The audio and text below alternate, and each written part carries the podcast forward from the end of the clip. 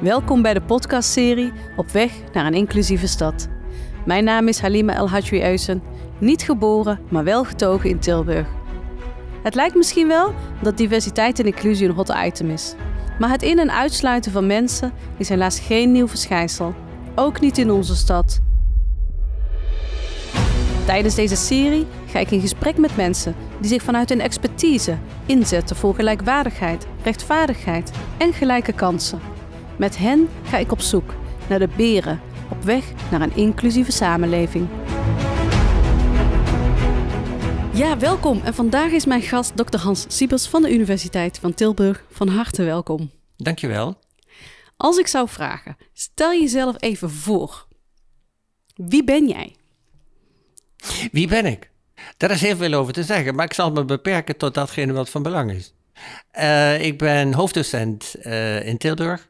Um, ik heb uh, sociale wetenschappen en geschiedenis gestudeerd in Nijmegen. Ben daar ook gepromoveerd op een onderzoek naar de Caxies in Guatemala. Dus ik heb een aantal jaren in Centraal-Amerika gewoond en geleefd ja. en gewerkt.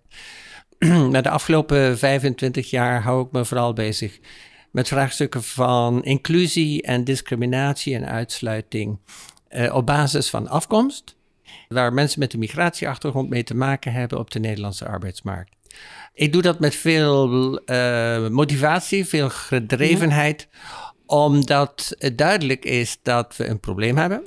En, maar wat we veel minder op het netvlies hebben, dat is, de vraag, dat is een antwoord op de vraag waarom en waar ja. komt dat nou door? Ja. Uh, dus um, ik heb daar afgelopen 25 jaar onderzoek bij, uh, naar gedaan bij een groot aantal organisaties, waaronder gemeenten ja. en waaronder de gemeente Tilburg overigens. Oké, okay, dus, ik had inderdaad gelezen gemeente Eindhoven, maar het maakt het natuurlijk extra interessant ja. als we in deze gemeente ook nog eens echt vanuit het wetenschappelijke kunnen kijken naar die ongelijkheid binnen de arbeidsmarkt. Ja. En, en het mooie is, ik stelde eigenlijk de vraag, wie ben jij? En uh, ik voelde gelijk ook bij mijzelf. Ik heb eigenlijk heel erg sterk de neiging om te zeggen: wie bent u? Uh, ik weet niet of u dat herkent. En ik moest mezelf dwingen in gelijkheid met mijn andere gasten, die ik allemaal automatisch als jij aansprak. Ja. En tegelijkertijd werd ik gespiegeld in mijn, in mijn eigen uh, projectie op, op u. Wat, er, wat voor mij heel erg natuurlijk voelt, en ja. ik voel me dwingend dat ik jij moet zeggen. ik vind dat wel grappig. Uh, dat heeft twee kanten wat mij betreft. Aan de ene kant vat ik dat op als een compliment. In de zin van, um, uh, als die uitdrukking u een blijk is van respect. En dat kan ik uh, meer dan waarderen. Dat is uitstekend. Van de andere kant, ik vind het prettig om het gesprek te voeren op gelijkwaardige basis. Ja. De, dus daar past jij bij. Ja. Dus laten we maar jij doen. En dan weet ik in mijn achterhoofd tegelijkertijd dat je ook zo, dat je eigenlijk uh, soms ook u bedoelt. Dus, maar laten we maar ja. bij jij houden. Ja, en, en dat heeft natuurlijk te, en, en ik merk dat ik dat vaker heb bij uh, witte mannen met een autoriteit. En, en ik, ik geef veel training en in groepen. En dan merk ik dat ik heel snel overschakel op die u bij iemand die in mijn beeld voldoet aan dat, aan dat uh, ja, autoriteits uiterlijk haast. En ik voel dat ik daar... Nou, ik vind het wel interessant om dit even nu te waarnemen. Ja. Daarom benoem ik het ook even. De, dus je zegt van een witte man met autoriteit. Autoriteit, dat kan ik waarderen. Ja. Want ik denk dat wel dat ik, dat ik iets zinnigs kan zeggen over dit onderwerp. Mm -hmm. uh, op basis van ervaring en op basis van onderzoek en op basis van literatuurkennis. Dus dat waardeer ik. Uh, man, ja, dat is onvermijdelijk. Daar, heb, daar Ja. heb je gelijk in. Maar dat wit, dat bevalt me niet. Oké, wil je me even toelichten? Ik ben niet wit om de dood, eenvoudige reden, reden dat er geen witte mensen bestaan.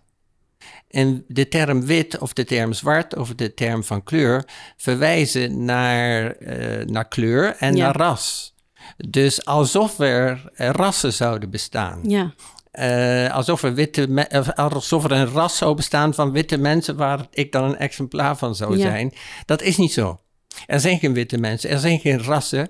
En moet tegelijkertijd, laat ik dat meteen als aanleiding gebruiken voor het feit dat ik het een zorgwekkende ontwikkeling vind, dat dergelijke raciale termen weer gewoon zijn geworden in Nederland. Ik krijg het zelfs mijn studenten niet meer uit het hoofd gepraat, om het zo maar eens te zeggen. Ik vind dat zorgwekkend, want uh, na de oorlog, uh, na de holocaust hebben we besloten, eigenlijk was er een soort van consensus in dit land, dat we nooit meer dergelijke raciale termen zouden gebruiken. Er zijn geen rassen. En het denken in termen van rassen is levensgevaarlijk. Het is niet verstandig om dat soort termen te gebruiken. En hoe komt het dan dat, dat op dit moment dat er juist heel erg aan de oppervlakte is? Nou, het is, het, het is, populair, het is populair geworden om um, dergelijke termen weer te gaan gebruiken. Terwijl um, een jaar of twintig geleden was dat ongebruikelijk in Nederland. Om de term wit of om de term blank of de term van kleur of de term zwart te gebruiken, om daarmee mensen te, te, te, te klassificeren of te labelen, dat was not done lange tijd in Nederland. Uh, voor goede redenen. Omdat er, er zijn geen witte mensen, er zijn geen rassen. En op het moment dat je gaat denken in termen van rassen, eh, kom je al heel snel uit bij racisme. Ja. Dus de, bron, de, de, de eerste stap op weg naar racisme is het gaan denken in termen van rassen. Ik vind dat we dat beter niet kunnen doen. Wat zouden we dan moeten doen? Want misschien is de term niet, niet zo zichtbaar, maar de ongelijkheid is er altijd wel geweest. Ja, dat is waar. Dus eh, ik, wil niet, eh, ik wil geen ongelijkheid wegpoetsen. Integendeel. Ik, volg wat, ik gebruik wat dat betreft eh, op advies van de Wetenschappelijke Raad voor het Regeringsbeleid. Die heeft in 2016 al ons geadviseerd welke termen we wel kunnen gebruiken. Dus toen kwam het advies van we gaan niet meer termen als allochtoon en autochtoon en etnische minderheden en zo. Die gaan we niet meer gebruiken. Maar we laten we, omdat die, die termen zijn beladen geworden. Ja, zeker. Die, die, die roepen allerlei negatieve associaties op en dat kunnen we beter niet doen. We kunnen beter die termen niet gebruiken. De Wetenschappelijke Raad van het Regeringsbeleid heeft toen ons geadviseerd om de termen mensen met een migratieachtergrond en mensen zonder een migratieachtergrond te hanteren. Dat zijn, dat dekt dat dan de lading? Ja, dat dekt de lading, want het is dan net precies mensen eh, aan de. Eh, dus als we kijken naar ongelijkheid of ongelijke kansen en, en, en discriminatie op de arbeidsmarkt, dan is dat stevast, uh, is het een bepaalde categorie mensen die daar last van heeft. En dat zijn mensen met een zogenaamde niet-westerse migratieachtergrond. Ja. Dus dat zijn de mensen die, die een, een substantieel risico lopen om gediscrimineerd te worden op het moment dat ze, dat ze solliciteren op een baan bijvoorbeeld. Of uh, dat, dat ze negatieve opmerkingen krijgen uh, op de werkvloer, dus op het werk van collega's en dat soort zaken. Dus die discriminatie vindt plaats uh, tussen aan de ene kant de mensen die daar het slachtoffer tussen ja. aanhalingstekens van zijn. Dat zijn mensen met een, met name met een... Dat is de grootste groep hè, die er het last van heeft. Ja, dat zijn de mensen met een, over het algemeen met een niet-westerse migratieachtergrond. En degene die daar over het algemeen zich het meest schuldig aan maken, dat zijn mensen zonder een migratieachtergrond. Dus die termen dekken de lading zonder dat ze uh, allerlei ja. negatieve. Het zijn relatief neutrale termen. Die roepen geen negatieve ja. bijwerkingen op. Nou, ik, ik, ben, ik ben een product van een migratie van mijn vader. Ja. En uh, ik, ik heb heel erg lang nagedacht, want ik heb op een gegeven moment ook die nieuwe definitie gezien ja. van de CBS waarin er wordt verwezen naar derde, vierde generatie. Ja. En uh, ergens voel ik daar ook die weerstand. Want dan denk je, ja, maar hoe ver moet je doorgaan totdat je... Wanneer is het voor eeuwig die migratieachtergrond en waar eindigt het? Ja. Want dat is ook een klassificatie ja. die over een paar jaar ook weer een negatieve lading gaat Zou krijgen. Goed kunnen. alles wat op de een of andere manier daarmee te maken heeft, wordt gevuld met die negativiteit. In welke term we ook pakken. Ja, dat klopt. Dus uh, dat noemen we met een duur woord reflexiviteit. Dat we zeggen, je hebt som, en dat is een beetje het dilemma voor, voor, voor een wetenschapper. Aan de ene kant hebben we categorieën nodig om, een om juist zichtbaar om te maken, om ongelijkheid zichtbaar te maken. Ja. Dus op het moment dat we helemaal geen categorieën meer kunnen gebruiken of geen woorden meer kunnen gebruiken, kunnen we ook het probleem van ongelijkheid niet bespreken. Dus dat is, dat is aan de ene kant hebben we daar, hebben we die termen nodig. Van de andere kant, op het moment dat je termen gebruikt, beïnvloed je tegelijkertijd de werkelijkheid waar je over spreekt. Ja. Omdat je termen gebruikt die invloed vervolgens hebben op die werkelijkheid. Dus, uh, en daarin moet je heel erg zorgvuldig zijn. Ja, dan zit je met, met de, de, de, de misschien wel ontnuchterende constatering dat je dan vooral moet kiezen voor de termen die het minst kwaad kunnen. Die het minst, uh, minst beladen zijn, die de minste negatieve connotaties oproepen. En dat is nu de term mensen met een, mensen met een migratieachtergrond. En het kan heel goed zijn dat we over een jaar of tien moeten besluiten dat we ook die term maar weer aan de wilgen moeten hangen. Omdat, er, omdat, omdat we op zoek, weer op zoek moeten gaan naar betere termen. Dat zou goed kunnen, ja. Ja, en een tijdje geleden sprak ik iemand uh, die uh, van de Antillen naar Nederland is gekomen en die zei: Ik ben helemaal niet gemigreerd. Want het valt onder de Koninkrijk der Nederlanden. En ik ben gewoon verhuisd. Ja, dat, dat, dat is heel terecht. En ik, ik, ik, um, ik, zou er, ik hoop, ik hoop dat we ooit in een situatie terechtkomen dat we dergelijke termen überhaupt niet meer nodig hebben. Maar zover zijn we nog niet. Nee. En, en ik, ik gebruik graag uh, de term bicultureel. Ja.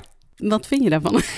dat is een term die met name in de, in de publieke sector, dus in, eh, in overheidsorganisaties wordt gebruikt, mede uh, uh, geïnstigeerd door de Nederlandse regering. Bijvoorbeeld mevrouw, toen mevrouw Ter Horst nog minister van Binnenlandse Zaken was, 2007, 2010, heeft ze, heeft ze dat heel sterk gepusht.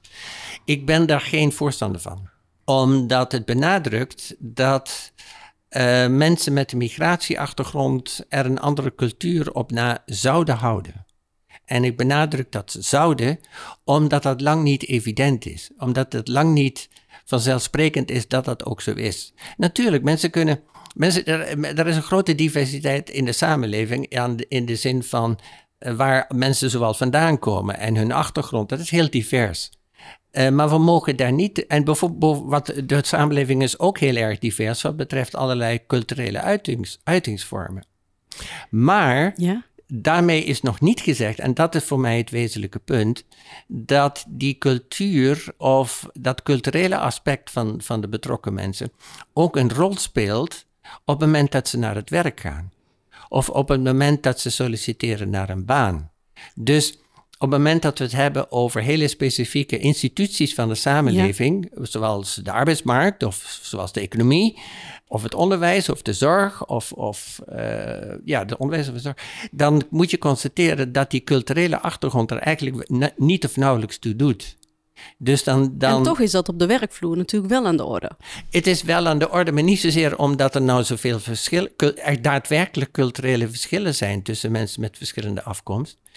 Is het zo dat iemand met een Antilliaanse afkomst, dat die anders denkt, of anders voelt, of zich anders gedraagt, of een andere benadering heeft van het werk in een team, of op het moment dat hij of zij naar het werk gaat, dan iemand die geboren en getogen is in Tilburg en, uh, en hier al, en vanuit families die hier al, al generaties lang wonen? Nee, dat is niet zo.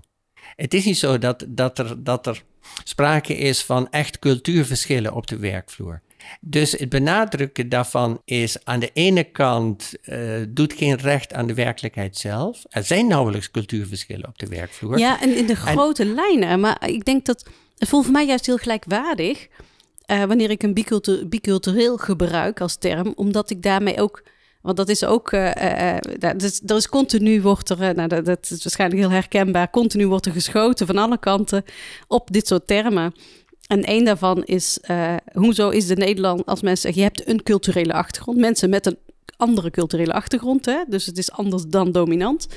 Maar je erkent aan de ene kant de Nederlandse cultuur, gebruiken, enzovoort, enzovoort. En aan de andere kant datgene wat je vanuit je familie mee hebt gekregen. En ik snap dat je dat heel erg kan uitfilteren tot, op het, uh, tot in hele kleine details. Um, maar in ons gedrag maken we daar wel degelijk onderscheid in. Dus ergens voelt het gelijkwaardig. Hè? Dus... Ja, maar de vraag is waar. En de vraag is in welke context. En dat is heel subjectief. En dat is in de wetenschap lastig dan? Nee, dat is niet. Dat is, ja, natuurlijk is dat subjectief, maar dat is ook objectief. In de zin van dat je objectief kunt vaststellen dat er uh, bijvoorbeeld op de werkvloer en op de arbeidsmarkt, dat er van cultuurverschillen niet of nauwelijks sprake is. Het is niet zo dat iemand met een Marokkaanse achtergrond dat hij zich anders gedraagt op de werkvloer dan iemand met een, Tilburg, dan iemand met een Nederlandse achtergrond. Dat is, dat is niet zo. Dat is feitelijk gezien niet zo. Maar hoe dus, breng je dat dan aan de, aan de man, zo'n beetje? wanneer iemand afgewezen wordt. Want er wordt vaak gezegd, ja, maar andere culturele verschillen. Want dat zijn wel vaak, dan gaan we terug naar de term migratieachtergrond. De reden waarom, waarop mensen acht, afgewezen worden. Ja, precies. Maar dat, dus het, is die, die, het idee van cultuurverschillen is niet alleen uh, feitelijk onjuist, het is ook schadelijk. In de zin van dat het, de illusie van cultuurverschillen dat die brengt uh, werkgevers ertoe om mensen met een hoofddoek om, die komen solliciteren bij die werkgever, om die af te wijzen vanuit het idee, of beter gezegd idee fix, dat die persoon cultureel anders zou zijn dan iemand zonder een hoofddoek. Dus dan, en dan spreken we over discriminatie. Dus het is zelfs bij wet verboden om dat soort gronden te hanteren, op, uh, om, om je, je, een besluit over wie je aanneemt bijvoorbeeld of niet, om dat besluiten op dergelijke gronden te baseren. Dus het is niet alleen feitelijk onjuist om te spreken van cultuurverschillen, het is ook onwenselijk omdat op het moment dat je die cultuurverschillen benadrukt, dan nodig je mensen uit om te discrimineren. Ja, en uh, hoe, als we dan even nog, eh, nog over de termen. Ik weet niet of het zo is, hè? maar ik heb ook wel eens ooit iemand horen zeggen: ja, luister, met de term allochtoon en autochtoon zijn twee wetenschappelijke uh, duidingen of benamingen. Die worden dan gekaapt door de samenleving. Er wordt lading aangegeven en wij kunnen er niks meer mee. En vervolgens moeten we weer op zoek naar een nieuw term. En zo blijven we bezig. Maar voelt dat ook zo? Ja, maar dat is, dat is maar goed ook. Ik bedoel, die termen zijn, zijn wetenschappelijk verzonnen. In de zin van die eh, tot, laten we zeggen, als we 40 jaar teruggaan, die termen bestonden niet. Eind jaren 80 heeft de Nederlandse regering die heeft besloten dat we, dat we termen nodig hebben om het verschil tussen mensen met een migratieachtergrond en mensen zonder een migratieachtergrond, en dan met name het verschil tussen mensen met een niet-westerse migratieachtergrond en mensen zonder een migratieachtergrond, om die verschillen te benoemen en te benadrukken. Dus op het moment dat je iets benoemt, benadruk je het ook. Dus toen hebben ze een aantal wetenschappers uh, de opdracht gegeven om termen te verzinnen die dat verschil, uh, om dat verschil duidelijk te kunnen maken. En toen hebben die hebben, zijn gekomen met de termen allochtoon en autochtoon. Uh, en hebben ook toen de, de term etnische minderheden aanbevolen. En die termen zijn vervolgens overgenomen door de Nederlandse regering. Met een ander doel misschien? Nou, met of het niveau, als met je kijkt naar... Uh... Met, met, het, met het doel om de verschillen te benoemen tussen mensen met en zonder migratieachtergrond. Met name mensen met een niet-westerse migratieachtergrond en mensen zonder een migratieachtergrond. En om die termen ook te gebruiken om daar beleid op te voeren. Dus om daarmee eigenlijk ook mensen met een migratieachtergrond anders te benaderen vanuit het beleid dat was in die periode nog met de beste bedoelingen. In de zin van uh, dat was in het, in het, kader van multiculturalisme. Dus er werd bedacht dat die cultuurverschillen die zijn goed en die moet je ook koesteren. Daar moet je ook aandacht aan besteden om proberen die, die, die, die verschillen ook uh, op een positieve manier en welwillende manier te duiden. Toen werd ook naar voren gebracht dat die cultuurverschillen een, een bijdrage vormen aan de samenleving. Dus, dus ook, ook waardevol zijn en als zodanig gekoesterd moeten worden. Dus dat was in eerste instantie, we zijn die verschillen zijn benadrukt met de beste, met de beste bedoelingen. Ja, om eigenlijk de ongelijkheid zichtbaar te maken. Ja, maar ja, nou, ja en nee, want, eh, want ze, tegelijkertijd hebben ze daarmee de, de, de, de termen geïntroduceerd die vervolgens die gelijkheid hebben veroorzaakt. Want wat er gebeurd is, eh, zo rond. We gaan nu wel een beetje de geschiedenis in. Ja, maar ik denk dat, het wel goed is om de context te kennen. Precies. Dus wat er, wat er gebeurd is, uh, zo rond uh, het jaar 2000, rond de eeuwwisseling. Toen is dat multiculturalisme is omgeslagen in uh, wat, we, wat we in de literatuur nativism noemen nativisme. Ja, dat, dat klinkt niet in het Nederlands. Maar in de Engelse ja, dus het de origine. Ja, nativism in de zin van dat uh, mensen zonder een migratieachtergrond hier uh, in, in dit land uh, een voorkeurspositie zouden moeten hebben en dat mensen met een migratie. Super, ook in, in het kader van superioriteit? Ja, nou, er werd vooral gezegd van... het is helemaal niks, niks er is niks mis mee om... Uh, het is prima dat er, dat er moslims zijn uh, en de islam is, is prima, maar niet hier.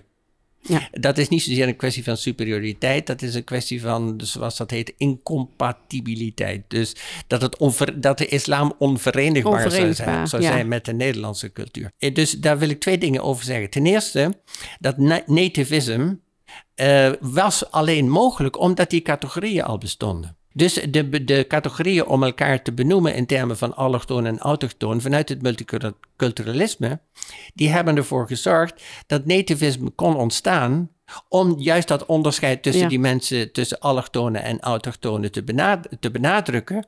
En vervolgens te zeggen, al, autochtoon, of allochtonen hebben hier eigenlijk geen geen, Ruimte, geen ja. plaats. En daarmee hebben ze de, eh, is, heeft nativism een belangrijke rol gespeeld bij het aanjagen van discriminatie Uitsluiting, ja, op de ja. arbeidsmarkt. Ja. Dat is de bron van uitsluiting op de arbeidsmarkt. Dus dat hebben we gewoon zelf veroorzaakt. Ja, dit is man-made. Dit is, dit is door mensen veroorzaakt. Sterker nog, de oorzaak daarvan, de bron van discriminatie op de arbeidsmarkt, ligt in het regeringsbeleid.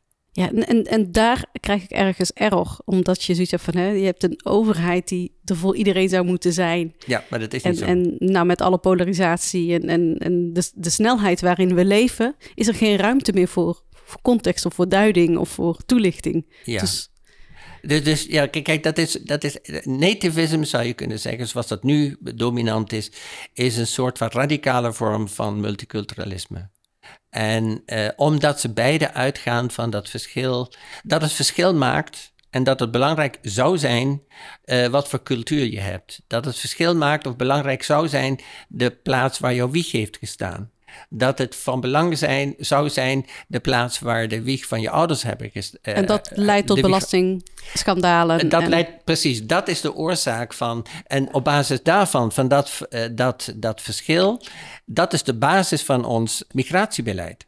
Kijk, op het moment dat, dat premier Rutte Europa rondreist eh, om overal steun te, te verwerven in Europa voor zijn voorstel om kinderen die eh, buiten de Europese Unie Ja. zijn geboren, op het moment dat ze, dat ze naar de Europese Unie komen, om die kinderen op te sluiten in gevangenissen, zonder dat het enige wat die kinderen hebben misdaan, dat is dat hun wieg op de verkeerde Ja. plek stond. Om daarvoor steun te mobiliseren, is het, eh, dat kan alleen op het moment dat, dat in de bevolking, in de Nederlandse bevolking of de Europese bevolking, eh, dat daar eh, een acceptatie bestaat voor het feit dat het, dat het een groot verschil maakt waar jouw wieg heeft gestaan. En maar da- daar wordt ook op eh, geanticipeerd. Daar wordt eigenlijk volledig... Je moet draagvlak krijgen voor zo'n plan. Dus daar wordt eigenlijk op microniveau... wordt dat eigenlijk al links en rechts neergelegd. Klopt dat dan? Precies. Dus het feit dat. De, de- dus het feit. Om, om het bijvoorbeeld even door te gaan op dat punt van bicultureel. Dat veronderstelt dat mensen met een migratieachtergrond cultureel anders zijn. Dat, dat idee wordt ons voorgehouden eh inburgeringscursussen. Ja. Die, die mensen met een migratieachtergrond, met name een niet-westerse migratieachtergrond, verplicht zijn te, te ondergaan eh, als voorwaarde voor hun verblijfsvergunning.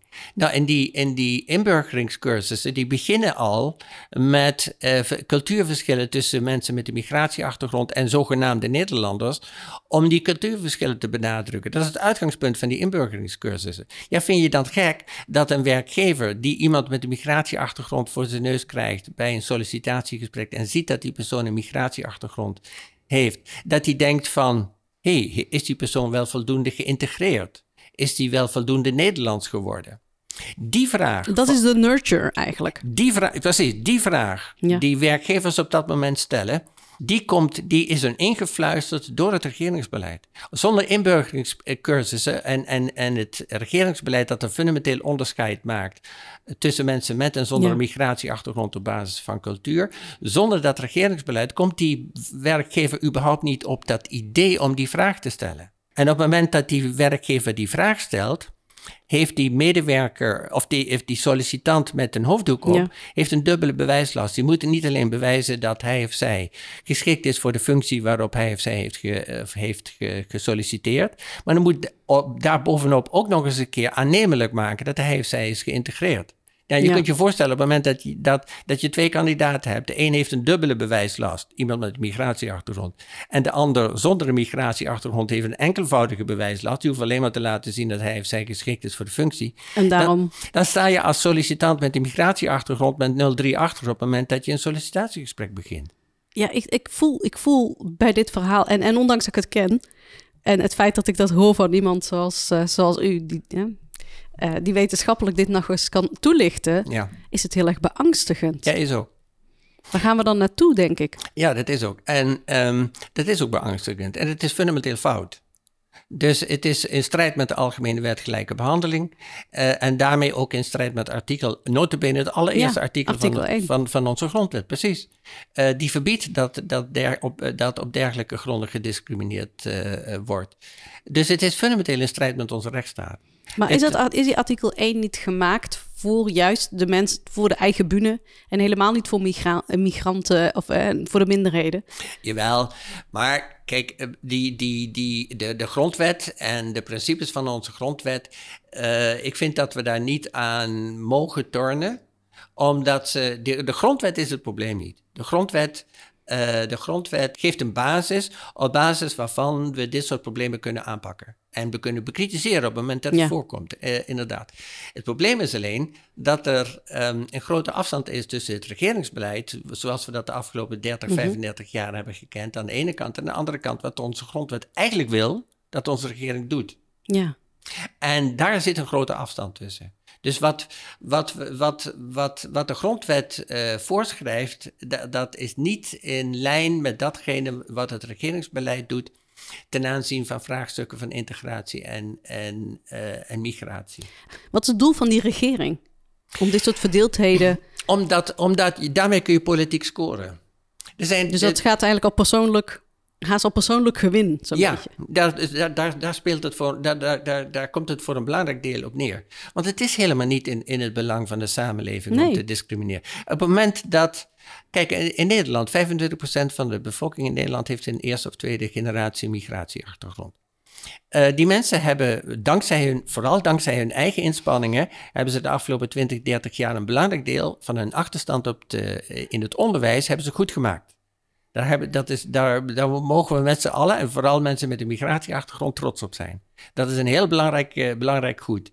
Dat, en tegelijkertijd zijn ze heel actief op de arbeidsmarkt. Uh, met andere woorden, het gevolg is dat er zijn mensen met een migratieachtergrond die uh, in vrijwel elk, niet allemaal, maar in de, in de meeste sectoren van, ja. de, van de economie en van de, van de arbeidsmarkt, die zijn er. Met, met, uh, en in toenemende mate is het zo dat iemand, dat de beste kandidaat op de arbeidsmarkt is iemand met een migratieachtergrond. Dat betekent dat als je mensen met een migratieachtergrond buiten, buiten de deur houdt als ja. werkgever, is dat stom om te doen, want dat is snijden snij in je eigen vlees. Want discriminatie betekent feitelijk, betekent heel simpel, dat je niet de beste persoon uh, ja. voor, voor een functie aanneemt. En als je niet de beste persoon hebt, zorg je ervoor dat mensen die, die je aanneemt niet de optimale prestatie leveren eh, op het moment dat ze, dat ze zijn aangenomen. Dus je, dat is, het is een, niet een, een belang van jezelf om te discrimineren. En toch gebeurt het. Ja, want, dus want, het is helemaal niet in het belang van de samenleving nee. om, om, te discrimineren. Maar toch gebeurt het. Nee, en je hoort heel veel, tenminste dat krijg ik heel vaak terug. Ja, ja, maar wij gaan voor kwaliteit. Maar blijkbaar hebben we een definitie gegeven aan kwaliteit. Dat dat dus ook mensen zijn zonder migratie. Nou ja, kijk, op het moment dat, dat we alleen voor kwaliteit zouden gaan... in de zin van dat, je, dat op de arbeidsmarkt alleen die zaken van belang zijn... die, van bela die, die gerelateerd zijn aan het werk... Dus dat je mensen aanneemt omdat ze de juiste opleiding hebben, ja. of de juiste werkervaring, of, uh, of de juiste kennis hebben, de juiste expertise enzovoort. Als dat kwaliteit is, dan is het prima.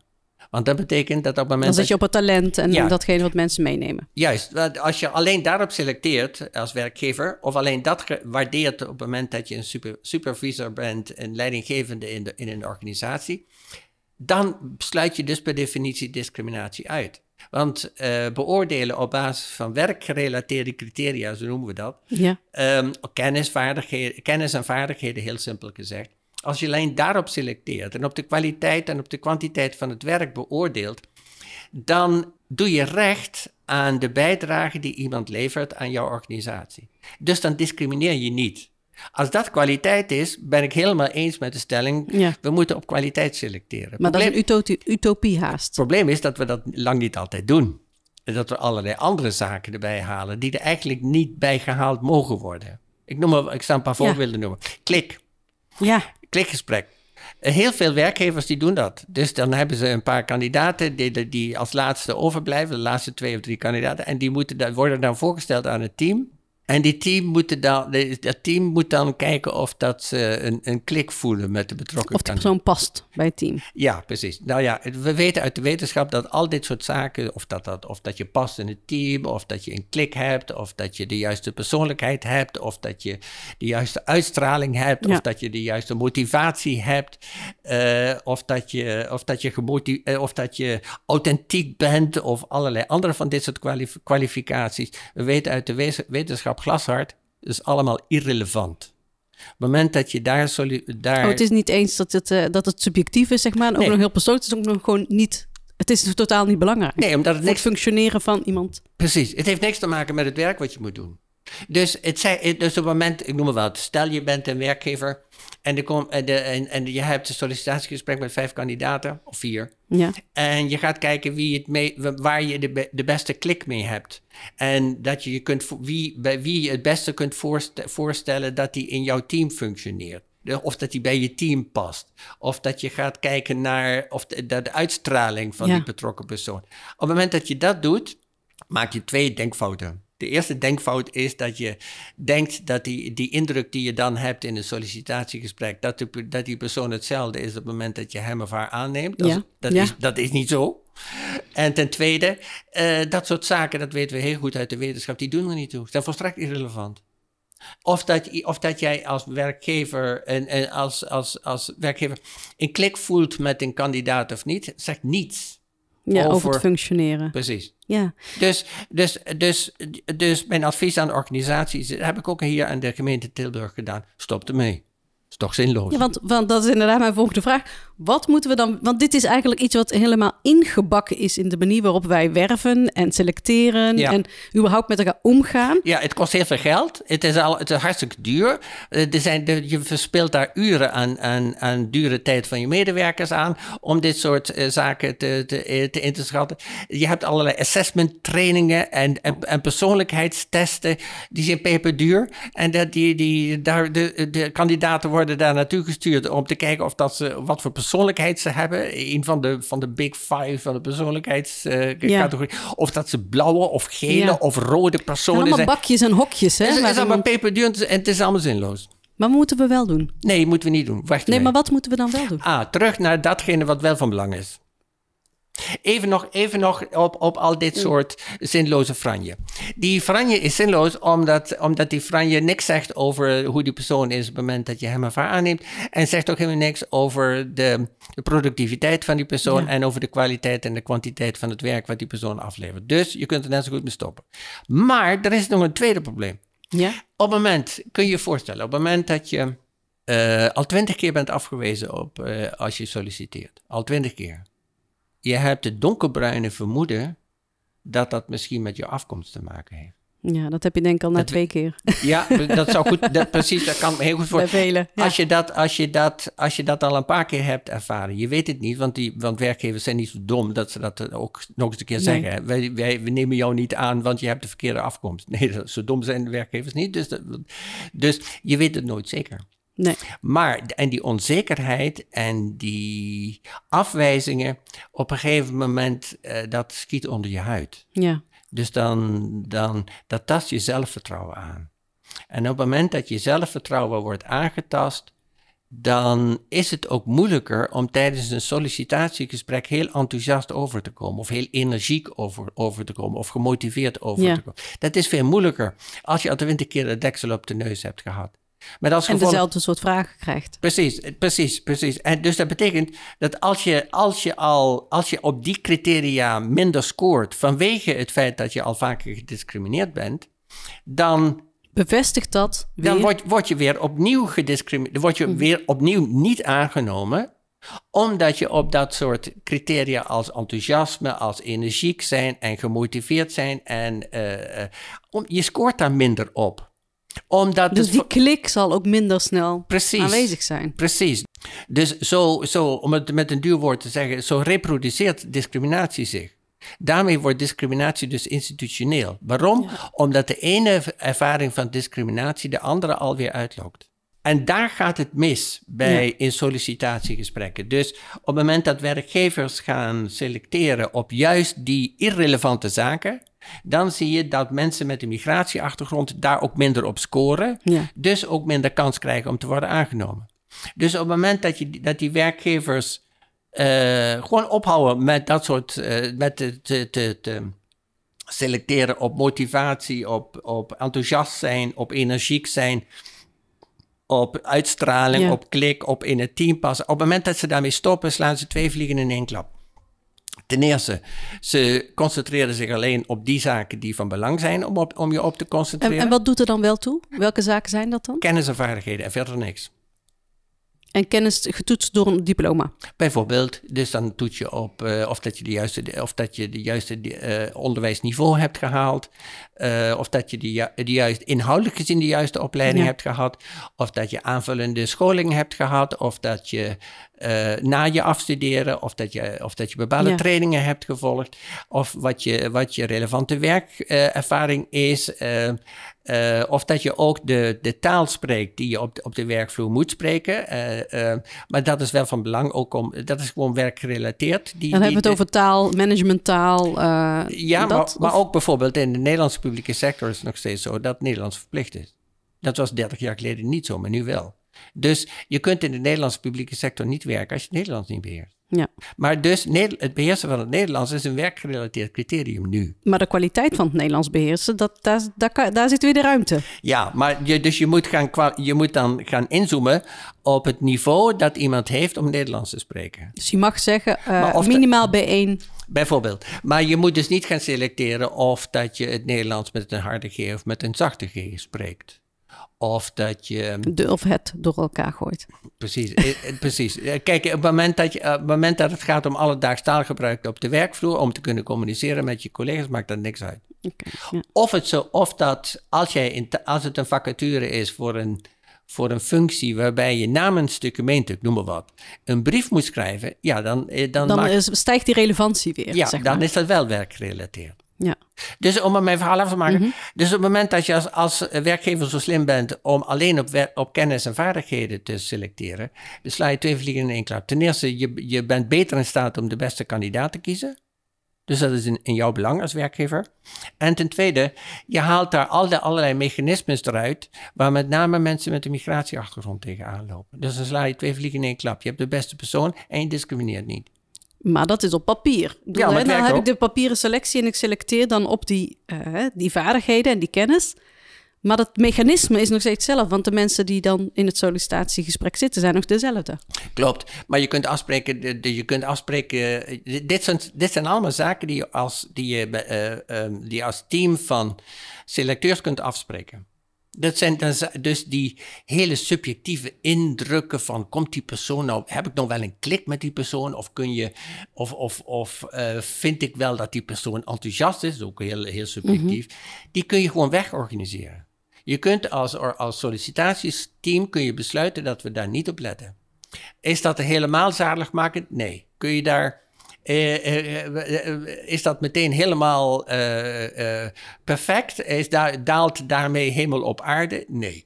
Maar je kunt daarmee wel een belangrijk verschil maken. Ik zal een voorbeeld geven. We hebben, ik heb um, onderzoeken gedaan naar dit soort vraagstukken bij twee ministeries, bij de politie, bij de Belastingdienst, mm -hmm. bij twee provincies, bij vijf gemeentes, bij een paar bedrijven, bij een hogeschool.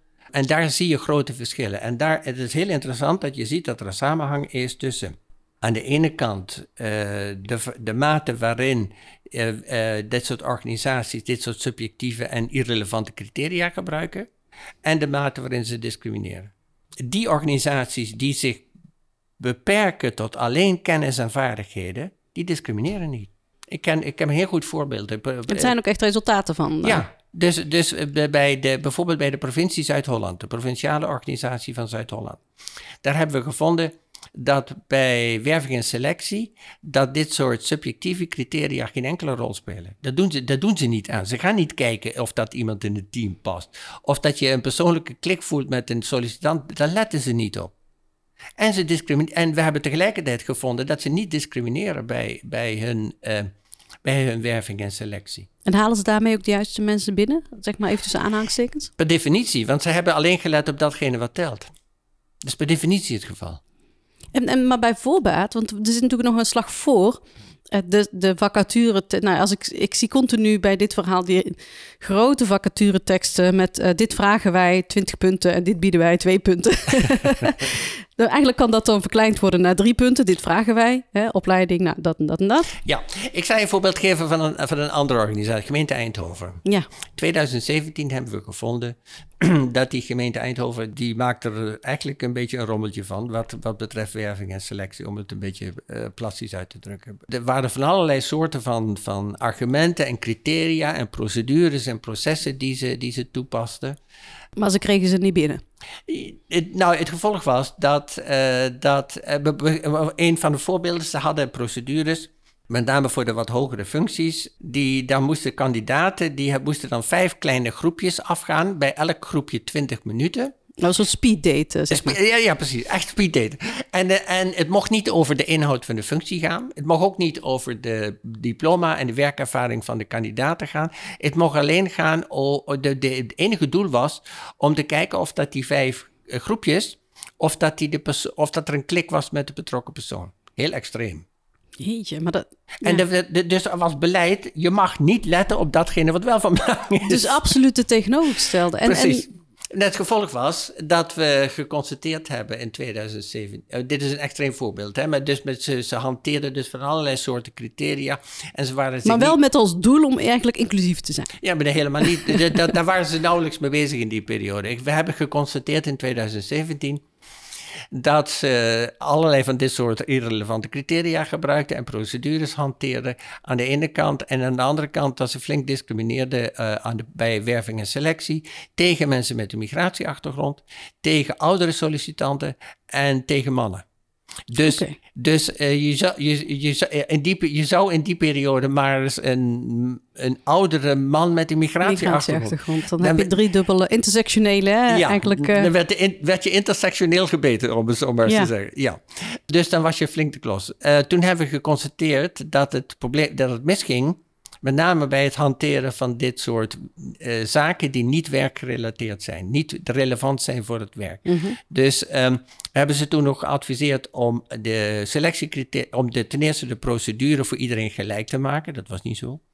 En ten tweede, om alleen die criteria te hanteren waarvan het evident is dat die, dat die, die, slaan op kennis en vaardigheden. En al het andere, ze hadden ook hele waslijsten met functie-eisen en zo, om al dat, al dat kruppelhout eruit weg te kappen en alleen te beperken tot datgene waarvan je zeker weet dat je dat moet kennen en kunnen, wil je als kandidaat eh, aangenomen worden eh, voor die functie. Dat hebben ze gedaan. En stonden ze ook voor open. Stonden ze ook voor open, want ze, er, was, er was, ik zal dat nooit vergeten, ik heb die resultaten toen gepresenteerd bij het college voor BMW.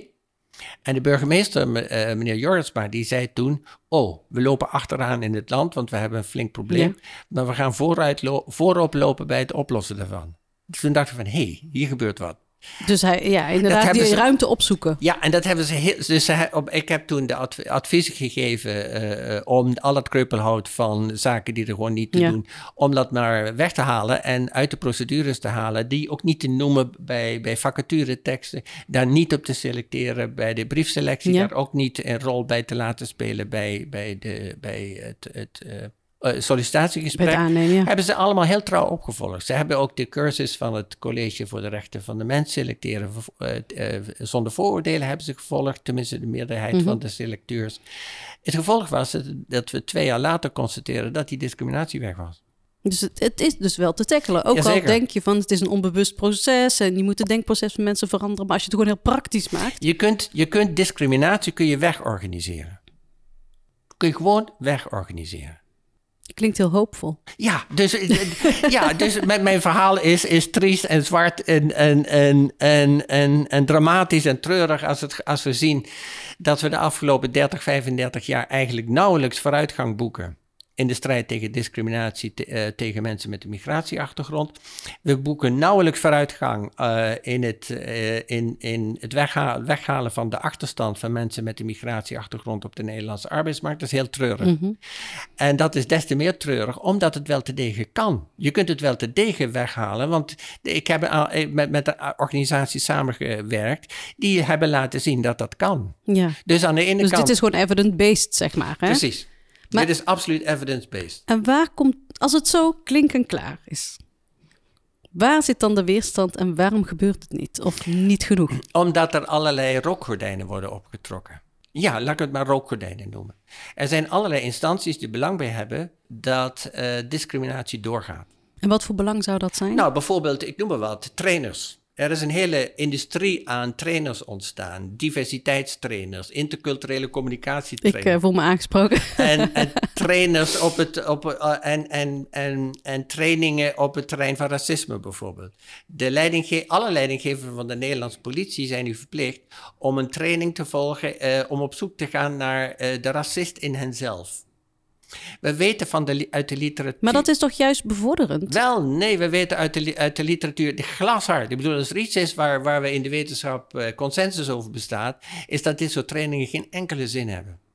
Sterker nog, op het moment dat je mensen gaat stimuleren om, te gaan, um, om te, op zoek te gaan naar de racist in henzelf, als je, mensen wilt, als je racisme wilt stimuleren bij mensen, moet je vooral dat doen. Dit soort trainingen werken, werken vrij, als ze al werken, ja. Meestal is het gewoon weggegooid geld. Maar als, het al als ze al werken, dan werken ze averechts. Dan zetten ze juist aan tot racisme. En dat is het. Dat, dus wat, waar de politie mee bezig, bezig is met, in, in hun diversiteitsbeleid, is precies, tenminste de meeste activiteiten, niet allemaal. Um, het feit dat Lisbeth Huizer een belangrijke rol heeft gespeeld bij het eindelijk eens aanpakken van agenten die over de schreef gaan, dat is prima. En dat is, dat is hard nodig. Maar allerlei andere activiteiten die de politie doet, is olie op het vuur gooien. Wat de diversiteit van het beleid van de Nederlandse politie de afgelopen 30 jaar is onderdeel van het probleem dat we zeggen stimuleert discriminatie tegen agenten met een migratieachtergrond. En dit is er één van. En dat zijn dus, ik noem dat de diversiteitsindustrie. Er zijn allerlei trainers, trainers, allerlei bureaus, uh, allerlei uh, mensen die zich daar opwerpen als pseudo-expert die daar een dikke boterham aan verdienen. Um, maar hebben die dan zoveel macht ja, op werkgevers? Ja, ik noem, ik noem een voorbeeld. Je ja. hebt, uh, dat is een samenwerking van een aantal instituten. Het kennisplatform Inclusief Samenleving. KIS. KIS. Ja. Uh, dat KIS, dat profileert zich als een kennisinstituut. Op het terrein van diversiteit en, en het bestrijden van discriminatie en racisme als je gaat kijken naar de. Ik, ik, ken hun, hun mm -hmm. werk uitstekend. Hun rapporten, ook hun onderzoeken. Vorige week of twee weken mm -hmm. geleden kwam er nog eentje uh, nou, uh, in de publiciteit over een onderzoek bij vijf, zes gemeentes die ze hebben gedaan naar zogenaamd institutioneel racisme bij die gemeentes.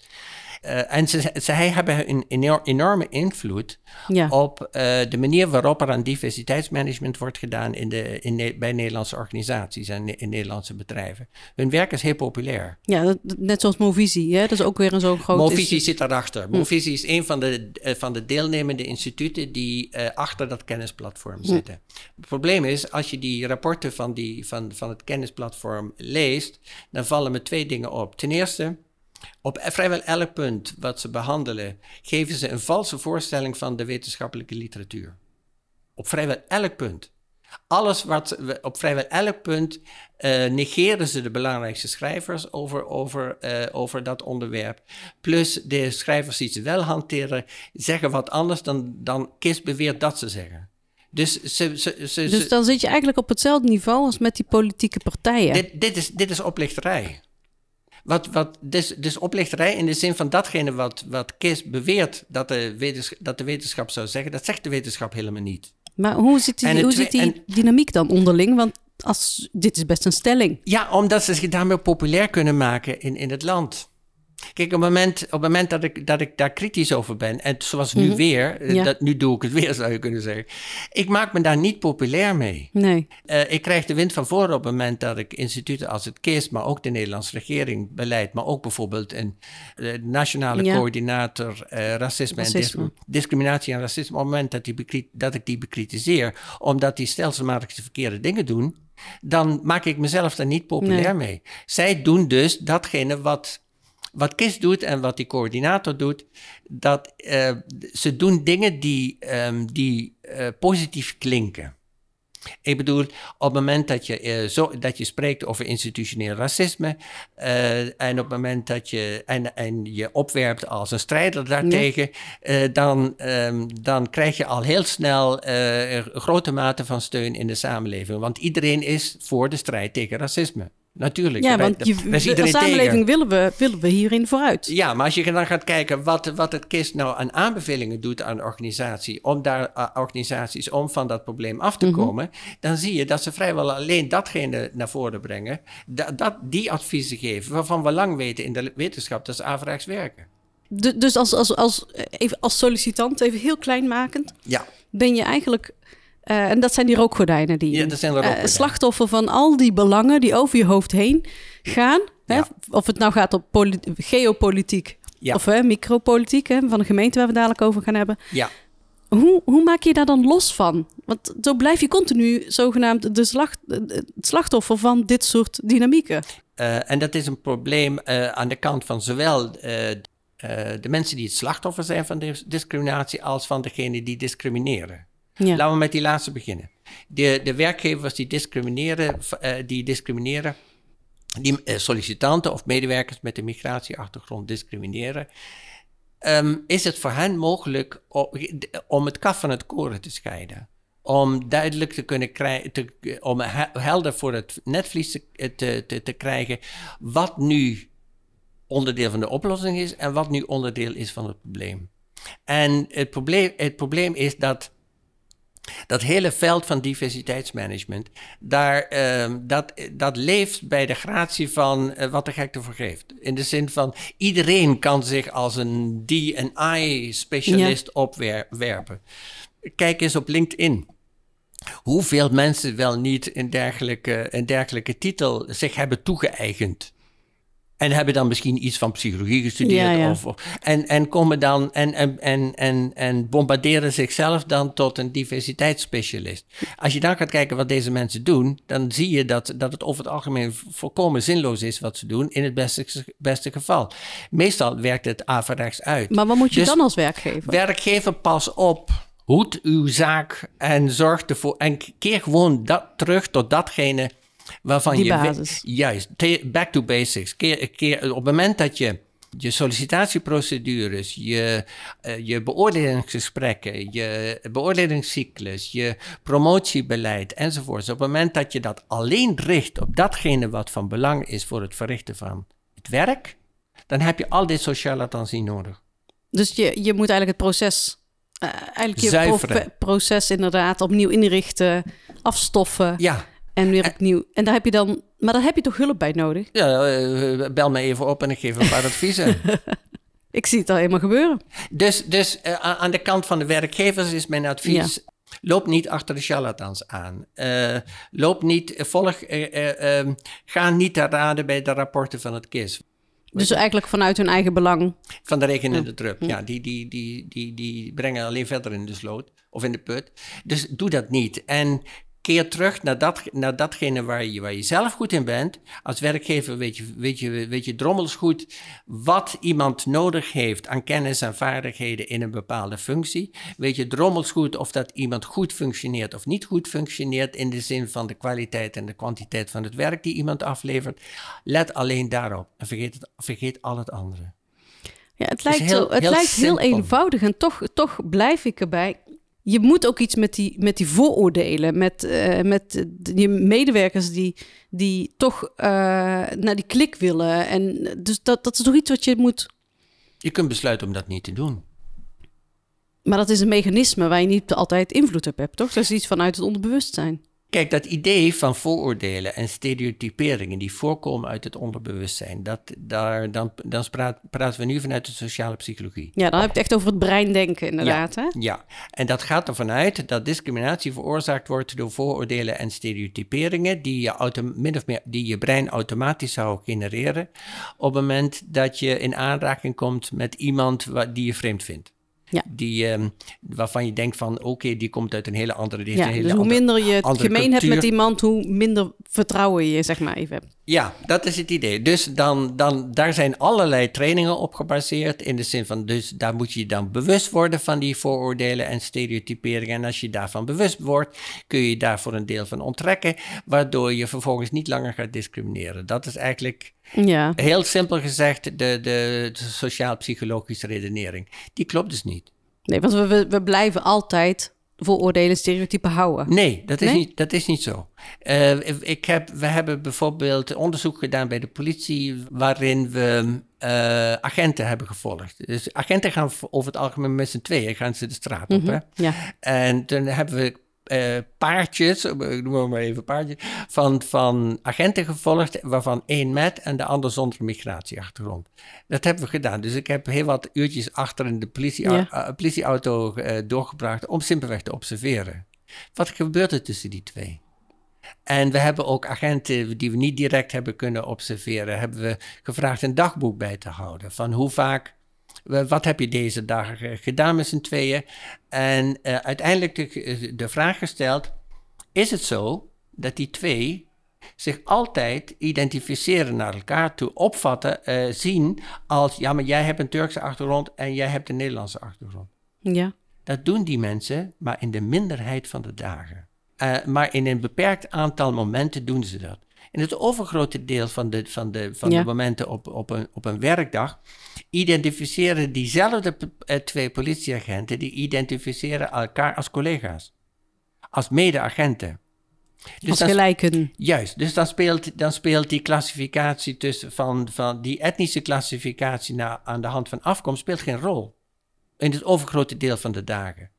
En op die moment dat dat geen rol speelt, ze identificeren zich dus niet elkaar dus niet Ja. als de ander. Maar dan moeten ze wel geconfronteerd worden met elkaar. Ja, maar het is, ze zetten elkaar op als collega's en dat hebben ze met elkaar gemeen. En dus dan spelen vooroordelen en stere- stereotyperen helemaal, helemaal geen rol.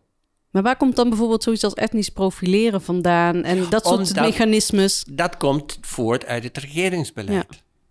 We Dus dat is bewust beleid. Juist, dat is bewust beleid. Dus de, de politie die heeft de opdracht gekregen, eh, en, en voorheen ook de marechaussee, die is daar Mhm. gelukkig vanaf gestapt. Eh, ik heb daar een klein onbescheiden rol bij gespeeld Mhm. om dat marechaussee ook te overtuigen dat het een bijzonder slecht idee was, dat etnisch profileren. Ehm, dat is beleid. Ja. Dat is hetzelfde bij de Belastingdienst met die toeslagenaffaire.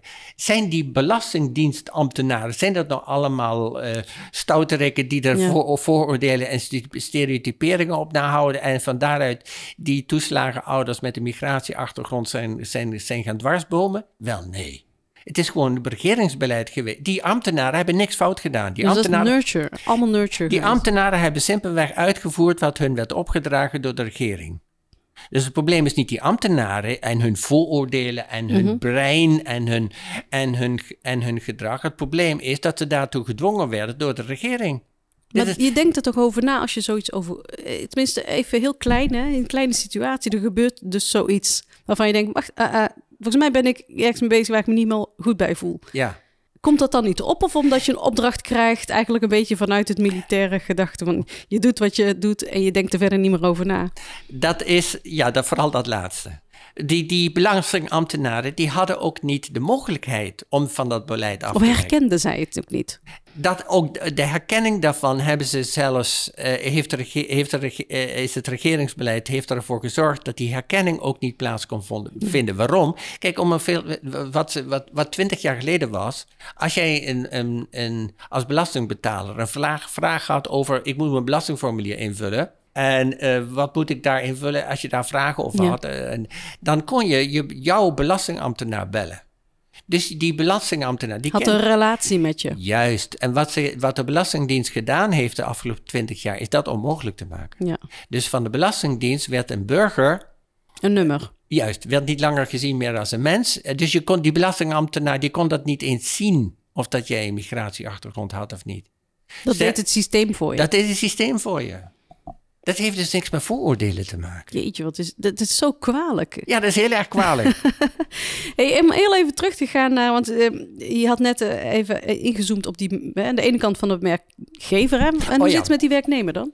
Die werknemer, weet Of je... die wel de sollicitant? Of, eh, Ja, die sollicitant. Kijk, we de afgelopen 20, 25 jaar heb ik samen met mijn medewerkers eh, rond de 500 interviews afgenomen, diepte-interviews met sollicitanten, met medewerkers, met leidinggevenden, zowel met als zonder een Mhm. migratieachtergrond, Ja. om de verschillen te kunnen, te kunnen detecteren. Een van de interviews die ik had, dat was met een man met, eh, uit Rotterdam, kwam die Turkse achtergrond. ja. Die had dat al twintig jaar, twintig keer meegemaakt. Dat voorbeeld van, uh, van gesolliciteerd hebben en, en afgewezen zijn. Hoewel hij uh, heel goed voldeed aan de, aan de functie-eisen enzovoort. Die sprak ik en meteen uh, na het sollicitatiegesprek dat hij bij een gemeente had. In dit, ja, kan ik wel zeggen. Gemeente Haarlemmermeer in Hoofddorp. Uh, dus hij had net zijn, zijn sollicitatiegesprek achter de rug. En ik, wat ik dan meestal doe in zo'n interview, na afloop van zijn sollicitatiegesprek, is, is simpelweg de vraag: hoe ging het? Ja. Kon je, kwam je een beetje uit de verf en kon je de dingen zeggen die, die je wilde zeggen? Hij was daar niet, zozeer, niet, zo, niet zo van overtuigd. En toen zei ik van, hoe kwam dat? van waarom, waarom was dat zo lastig? En toen vertelde hij dat verhaal van dat hij al twintig keer gesolliciteerd had en een deksel op de neus had gekregen. Dus, dus hij had argwaan. Voor hem was de vraag... Een wantrouwen eigenlijk. Ja, ja, arg, ja waar, waar, wantrouwen geen vertrouwen in dat dat dan een positieve... Hij wilde eerst voelen dat hij bij deze sollicitatiecommissie wel een kans kreeg. Dat hij wel serieus werd genomen. Dat ze, dat ze, dat ze hem wel een kans gaven. Dat wilde hij, eerst, wilde hij eerst voelen en proeven. En dat is begrijpelijk gezien die achtergrond. Toen vroeg ik van hoe lang heeft dat geduurd? We, uh, hij, en toen vroeg ik van... Um, uh, had je die indruk dat je serieus genomen werd? Ja, zei hij, eindelijk. Bij hen had ik echt het gevoel dat ik, dat ik serieus werd genomen. Maar toen vroeg ik van, ja, dat is een sollicitatiegesprek geweest van drie kwartier. Hoe lang was je nog in die ar argwaanstand? Ja. Toen zei hij van, ja, de eerste tien minuten een kwartiertje. Ja, dan ben je al de eerste tien minuten van een kwartier ben je al kwijt. Van en de eerste indrukken, hè, die... Op het moment dat je dan als sollicitatiecommissie afgaat op je eerste indruk, dan heeft hij geen schijn van kans. Ja. En dan kan het nog zo leuk zijn in het tweede deel dan. Ja, dus, dus, um, dus de, de sollicitatie zelf met de migratieachtergrond adviseer ik altijd, leg ik uit hoe het werkt. Als je weet hoe dit werkt, dan kun je daarop op, op, uh, op voorbereid zijn.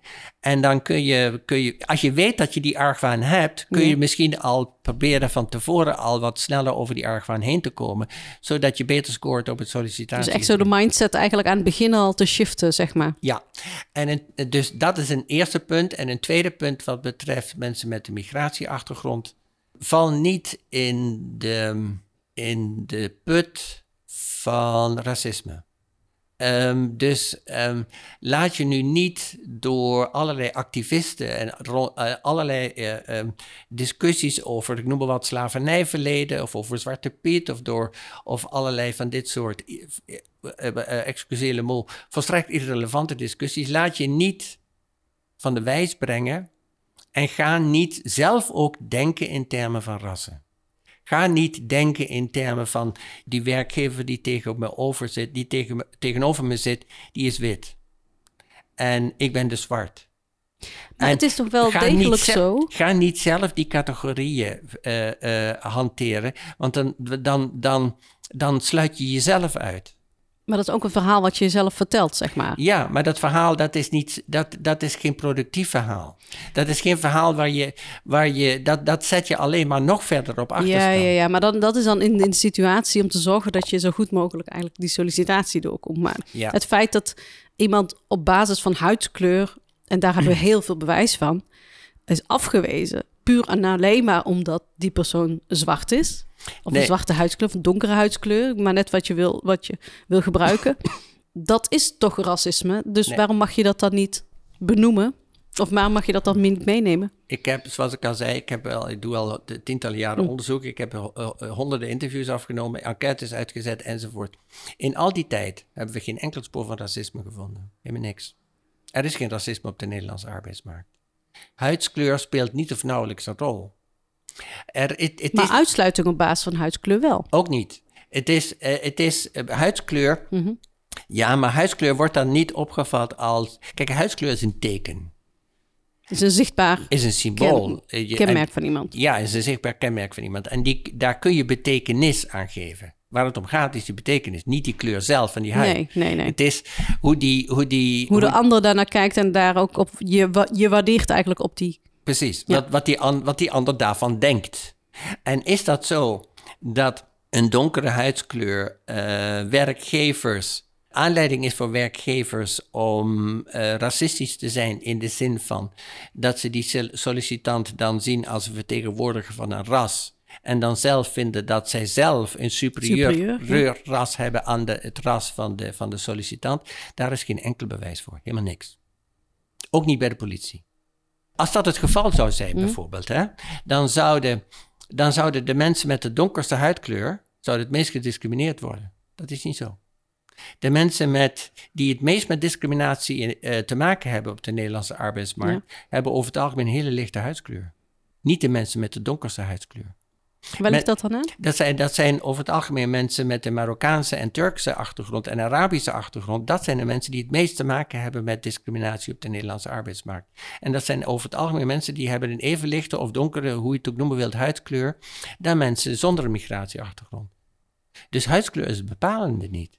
Het bepalende is dat werkgevers het idee hebben dat de culturele afstand uh, van hen ten opzichte van mensen met een Turkse of Marokkaanse, over het algemeen moslimachtergrond, mm dat die afstand het grootst is en dat deze mensen dus het minst geschikt zouden zijn voor, een, voor, voor hun va vakante functie. Dus het gaat om het idee van cultuurverschil. Dat is bepalend. En dat heeft niks met racisme te maken. Oké, interessant. Want die cultuurverschil, dat komt voort uit waar we het net over hadden in het gesprek.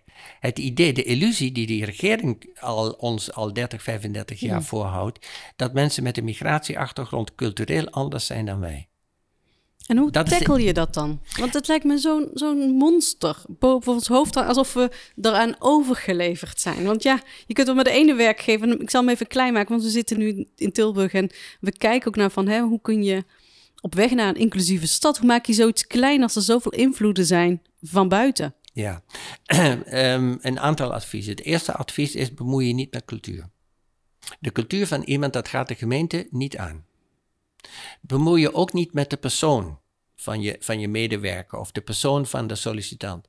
Nogmaals, dat gaat een werkgever niet aan. Wat, wat voor persoon jij bent, jouw persoonskenmerken, al dat soort zaken. Dat Wat zijn dat dan voor vragen? Om ze even concreet Vragen van, ben jij een extrovert persoon of ben jij een introvert persoon?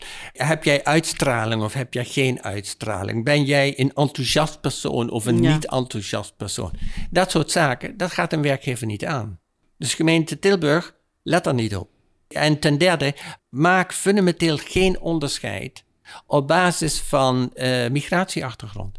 Ga niet specifiek dingen doen voor een specifieke bevolkingsgroep. Niet doen, want daarmee bevestig je alleen maar de vooroordelen ten opzichte van die bevolkingsgroep in de samenleving. Dus wederom back to basics. Bemoei je met datgene waar, waar, waar, waar, je, mhm. waar, je, waar je controle over hebt, waar, uh, die, die van belang zijn voor je werk. Uh, en bemoei je niet met die zaken waar je niks, waar, waar, je, waar je niks mee te maken hebt. Maar en hoe weet de sollicitant dat? Want dan heb je het thuis op orde, hè? Ja. maar ik kom nog steeds niet solliciteren. Want ik heb een bepaald beeld, hè? Ik ben, ik ben ook bevooroordeeld, hè? Ja. En ik denk, die gemeente, die, uh, daar gaat hem niet worden. Klopt. In 2000, ik was net bij de gemeente Eindhoven. In 2017 zagen we bij de gemeente Eindhoven dat ze... Uh, als je naar de, de website keek... Uh, dat leek nergens op, is een beetje sterk uitgedrukt. Maar dat, dat, eh, die, die, die, was toe aan, aan professionalisering, om het maar eens uh, mooi, mooi uit te drukken. Dus zorg ervoor dat de mensen die te zien zijn op die website, dat, dat, dat die mensen divers zijn. Zorg ervoor. Mhm. Dus, uh, wat representatie. Je, juist. Zorg, dus in 2017 zagen we alleen maar mensen met, die waarschijnlijk al sinds generaties in, in Eindhoven en omstreken wonen. Die, alleen die waren zichtbaar op de, op de website. Dus dat moet je veranderen zodat mensen ook met een migratieachtergrond zich daarin kunnen herkennen. Ja. Juist, dat is punt 1. Punt 2 is: zorg dat je een duidelijk statement hebt op je website dat je, dat je streeft naar gelijke kansen dat, dat mensen met, dat, dat iemand met een Turkse achtergrond, iemand die vrouw is, iemand die man is, iemand die oud is, iemand die jong is, iemand die Surinaamse achtergrond of uit, uit IJsland komt. Jullie hebben alle, doet er allemaal niet toe, want jullie hebben allemaal gelijke kansen bij ons. Dat kun je duidelijk stellen op je website. Zorg er ook voor eh, als gemeente, het eh, voordeel nog steeds van een gemeente is dat ze relatief goede arbeidsvoorwaarden hebben. Dus ook een relatief hoge mate van arbeidszekerheid kunnen bieden. Ja meer dan een bedrijf. En dat is aantrekkelijk. En dat is met name mensen met een migratie. Stel je voor dat je al twintig keer bent afgewezen en nog steeds werkloos bent. Op het moment dat je een werkgever hebt die je arbeidszekerheid kan bieden, ja, natuurlijk is dat belangrijk voor je. Ja. Dus dat hebben we de gemeente ook geadviseerd om op de website te zetten. We hebben ze geadviseerd om, die, om kritisch te kijken naar die uh, vacatureteksten. Ten eerste ervoor zorgen dat alle vacatureteksten dezelfde stramien hebben. Dat was niet zo. Zorg ervoor dat allerlei voorkomen snobby en, en vaag taalgebruik en formuleringen die alleen lekker klinken, maar die nergens te doen, haal die eruit. Er stonden formuleringen in. De kandidaat moet in staat zijn om op het juiste moment de juiste beslissingen te nemen. Ja.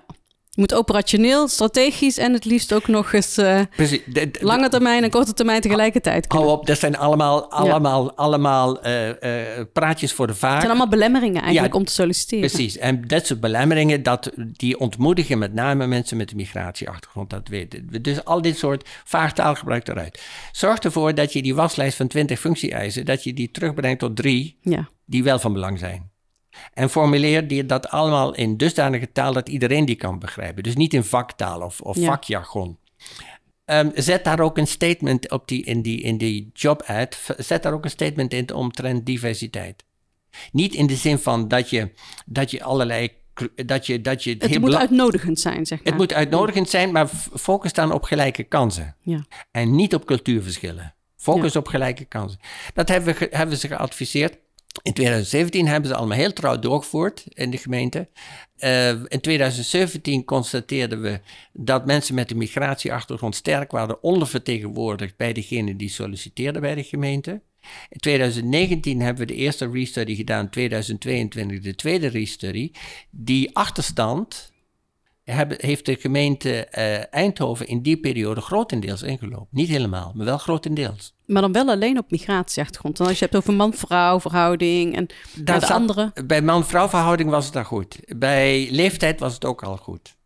Dus, Dit was ook de, de het stuk uit de taart wat ja, ontbrak. Ja. Precies. Het probleem zat hem, de ondervertegenwoordiging zat hem bij mensen met een migratieachtergrond. En die ondervertegenwoordiging die hebben ze in die periode grotendeels ingelo uh, ingelopen, weg kunnen poetsen. Is dat nog steeds zo? Want nou we zijn inmiddels alweer in een andere realiteit. Ja, maar er is een, ja, maar er is een, er is een kleine restant van, van ongelijkheid en die is niet te, niet te verhelpen. Je kunt je voorstellen, in Eindhoven is een high-tech. Uh, ja, high-tech dat trekt een bepaald type Kijk, mens. Juist, dat, dat, de, een groot deel van de mensen die daar komt werken, komt uit het buitenland. Dus die hebben een migratie. Een grote expat. Expat eh, gemeenschap. Die mensen die zijn er, maar die mensen, die, een groot deel daarvan, uh, is niet geïnteresseerd natuurlijk in een baan bij de gemeente. Die solliciteren daar niet op. Waarom? Omdat ze een vette baan hebben bij ASML. Dat hebben ze al. Daarom zijn ze hier ja, gekomen. Precies. Dus die zijn niet actief op de arbeidsmarkt. Dus dat je die mensen niet bereikt in je, in je wervingscampagne, om, als het gaat om werven, mensen werven voor je mm ligt voor de hand. Die moet je ook niet meer rekenen. Nee, maar dat, dus daar hoef je ook geen energie in te steken. Nee, dat, dat Stop je energie in. En, en je vertelde ook dat je in Tilburg actief bent geweest. Hoe zit dat hier dan? Wij hebben, ik heb toen het rapport gepresenteerd, 2020, denk ik. Drie jaar geleden. Tijdens hartje corona is dat dan geweest? Nee, dat was, dat was er net voor. 2019. Ja. Ja. Ik denk, maar ik weet het niet precies meer, maar dat moet denk ik zijn geweest in de eerste maanden van 2020. Dat denk ik, maar dat zou ik uh, na moeten zoeken. Ja. Ja, toen hebben we ook duidelijk geconstateerd dat er bij de gemeente Tilburg eh, dat er wel wat verbeterruimte was, ja. Wat ze daar uiteindelijk mee gedaan hebben, weet ik niet. Wordt dat niet gemonitord? Of? Dat weet ik niet. Nee. Daar zijn, ben ik in ieder geval niet bij betrokken. Nee. en, en welke verantwoordelijkheid draagt zo'n gemeente? Want uh, iedereen kijkt ook, als ik kijk naar hoe ik naar een, een instituut als de gemeente kijk, als een soort uh, voortrekker, als een voorbeeld. Die zou eigenlijk het, het goede voorbeeld moeten zijn, zodat de rest van de markt meegaat ja. uh, op lokaal niveau. Ja. Dus bij hun ligt dat gewoon veel zwaarder. Ja, zij hebben, uh, je, je zou kunnen zeggen, en, en, en de meeste uh, gemeentebestuurders uh, zijn het daar ook wel mee eens, dat de gemeente daar een voorbeeldfunctie heeft. Maar de gemiddelde gemeenteambtenaar is ook redelijk homogeen. Ja, maar dan zie je dat, die, dat, die, dat de gemeentes proberen om die achterstand in te lopen. Ja, er zijn ook gemeentes die, die, die nog steeds het, het verkeerde doen. Ik, ik noem het voorbeeld van de gemeente Amsterdam. Die hebben een paar jaar, twee jaar geleden denk ik, geconstateerd dat um, mensen met een migratieachtergrond waar, zwaar waren ondervertegenwoordigd in, bij de topfuncties van de gemeente. Dus dan spreken we over eh, schaal 12, 13, 14, ja, 15. Maar dat is denk ik wel heel breed. Over alle gemeentes wel zo. Hè? Dat, is bij veel gemeentes het geval. Maar bij Amsterdam werd het ook geconstateerd. Wat ze toen gedaan hebben, is focusbeleid. Dus toen zijn ze op die functies zijn ze mensen gaan aannemen van wie, eh, en ze hebben eh, en, en daarbij een voorkeur uitspreken en hanteren voor mensen met een migratieachtergrond om die achterstand in te lopen. Dat heeft die gemeente in de, in de jaren negentig van de vorige eeuw ook al gedaan. In, de, in, in, in 1997 heeft de gemeente Amsterdam, dezelfde gemeente, dus uh, de, de geschiedenis herhaalt zich, heeft toen geconstateerd dat het geen, helemaal geen effect had. Ze hebben het al een keer gedaan. Toen ja, werkte het niet. En dus wat doen ze dan? Toen niet gestoord door enig historisch besef, zijn ze, zijn ze, zijn ze vervolgens. Maar er zijn andere mensen die zijn waarschijnlijk niet eens op de hoogte van, dat, van uh, dat het feit dat het zich herhaalt. Ik zal u een voorbeeld geven. Ik, was, ik heb in 2003, 2004 en 2005 onderzoek gedaan bij de Belastingdienst. Ik heb daar twee dikke rapporten over geschreven. Nou, precies naar dit vraagstuk. Um, in 2010 kreeg ik een verzoek van de toenmalige diversiteitscommissie of ik een keer wilde komen praten. Over, want ze, hadden, ze vonden het wel interessant om daar eens een keer onderzoek naar te doen. Met welk doel? Hetzelfde onderzoek wat, ik, wat ik vijf tot zeven jaar geleden al gedaan had. En toen heb ik gezegd van, uh, blaas eerst maar eens een keer het stof van, van het rapport, van de twee rapporten die ik bij jullie um, heb uh, uh, overhandigd mm -hmm. over basis. Kijk daar eerst, oh heeft u al een onderzoek? Dat... Ja. Maar goed, kijk, en dan praten we over een beleid, die, de, de voorkeursbehandeling, dus dat je mensen, in dit geval mensen met een migratieachtergrond, een streepje voorgeeft bij, bij werving en selectie, bij selectie met mhm. name. Werving kan dat, bij selectie niet. Uh, bij, bij selectie, dat, dat doet de gemeente Amsterdam. En, en we weten, we weten uh, alle organisaties die dat geprobeerd hebben in Nederland. Politie is daarbij het beste voorbeeld. Werkt helemaal niet. Voorkomen zinloos. En als dat werkt, werkt het averechts politie doet dit al 30 jaar. Maar al, 30, het, al 30 jaar werkt het niet. En als het zo helder is, waarom gebeurt het niet? Is dat dan alleen die belang? Want als je afsluit even van alle belangen. En je zegt, nou, je hebt de juiste intenties. Of ja, de juiste, in ieder geval de intenties om mensen in te sluiten. Hè? Ja. Om eigenlijk een, ook een afspiegeling te zijn van al je belastingbetalers. Als je het dan hebt over overheden. Hè? Precies.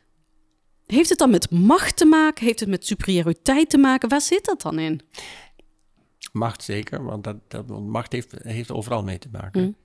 Superioriteit niet. Het is eerder een kwestie van um, bij de verkeerde personen advies inwinnen. Uh, bijvoorbeeld als je, als je bij het KIS, we hadden het er net over, op het moment dat je die advies vraagt over een bepaald vraagstuk, en de meeste organisaties doen dat bij het KIS, krijg je steven, krijg je, is de kans heel erg groot dat je verkeerde advies krijgt. Dat is een één probleem. Dus allerlei mensen die zichzelf, uh, dus uh, mensen met een, die zichzelf als expert bombarderen mhm. in, in het veld, die die, die, die die expertrol helemaal niet vervullen of helemaal niet aankunnen. Dat is één probleem. Een tweede probleem is, en dat is een politiek bestuurlijk probleem, dat is de manier waarop zoiets tot stand komt. Want het ehm, is een meerjaren ding, hè? Het is niet iets wat je even oplost. Nee, ik, eh, bijvoorbeeld, um, uh, laat ik even het voorbeeld noemen. Dit gaat dan wel niet over afkomst, maar in dit geval over seksualiteit. Mhm. De actie van de KNVB om die, uh, die One Love band, band, band, te dragen, de, of, de, of de regenboogband. De leiding van de KNVB is daartoe overgegaan vanwege druk uit de samenleving uh, van activisten, van instanties die vonden, die geconstateerd hadden dat mensen met een LHBTIQ uh, uh, seksuele identiteit, dat die een probleem hadden uh, bij het voetballen. Ze konden niet uit de kast komen, om het zo maar te zeggen. Dat daar, die, die, dus de KNVB werd, zag zich gedwongen met dat, werd geconfronteerd met dat probleem, met druk uit de samenleving. Wat doe je dan als bestuurder? Dan ben je er vooral op gericht om proberen uh, die druk te sussen. Om ervoor te zorgen dat die druk wegvalt. Dus eigenlijk imago-management meer. Juist, dat is, dus dan ga je datgene doen. Dan neem je, je moet dan maatregelen nemen, want, want je moet als krachtdadige, krachtdadige bestuurder overkomen. Dus dan ga je maatregelen nemen waarvan, waarvan je weet dat die goed vallen. Waardoor die druk weggaat.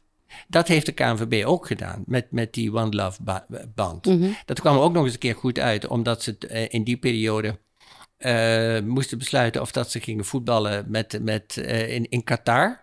Ja. Waarvan je allerlei morele Waar ook heel veel eh, druk op zat. Waarom je allerlei overwegingen kunt voorstellen dat je daar nou net niet naartoe moet gaan Mhm. om te gaan voetballen. Ik bedoel, in die stadions zijn 4800 mensen eh, Ja. bij de bouw daarvan zijn overleden volgens Ox- Oxfam. Dus op het moment, dus die hadden een moreel probleem. Nou, dus dan, om je dan maar op te werpen als de, de kampioenen van morele overwegingen, in dit geval voor het ten gunstige geval mensen met een LHBTIQ-identiteit en ook de, heel demonstratief dan die Mhm. Ja, banden dus ook gaan dragen in te Kit- maken. Qatar. Daarmee kun je jezelf kun je tegemoetkomen aan die maatschappelijke en politieke druk.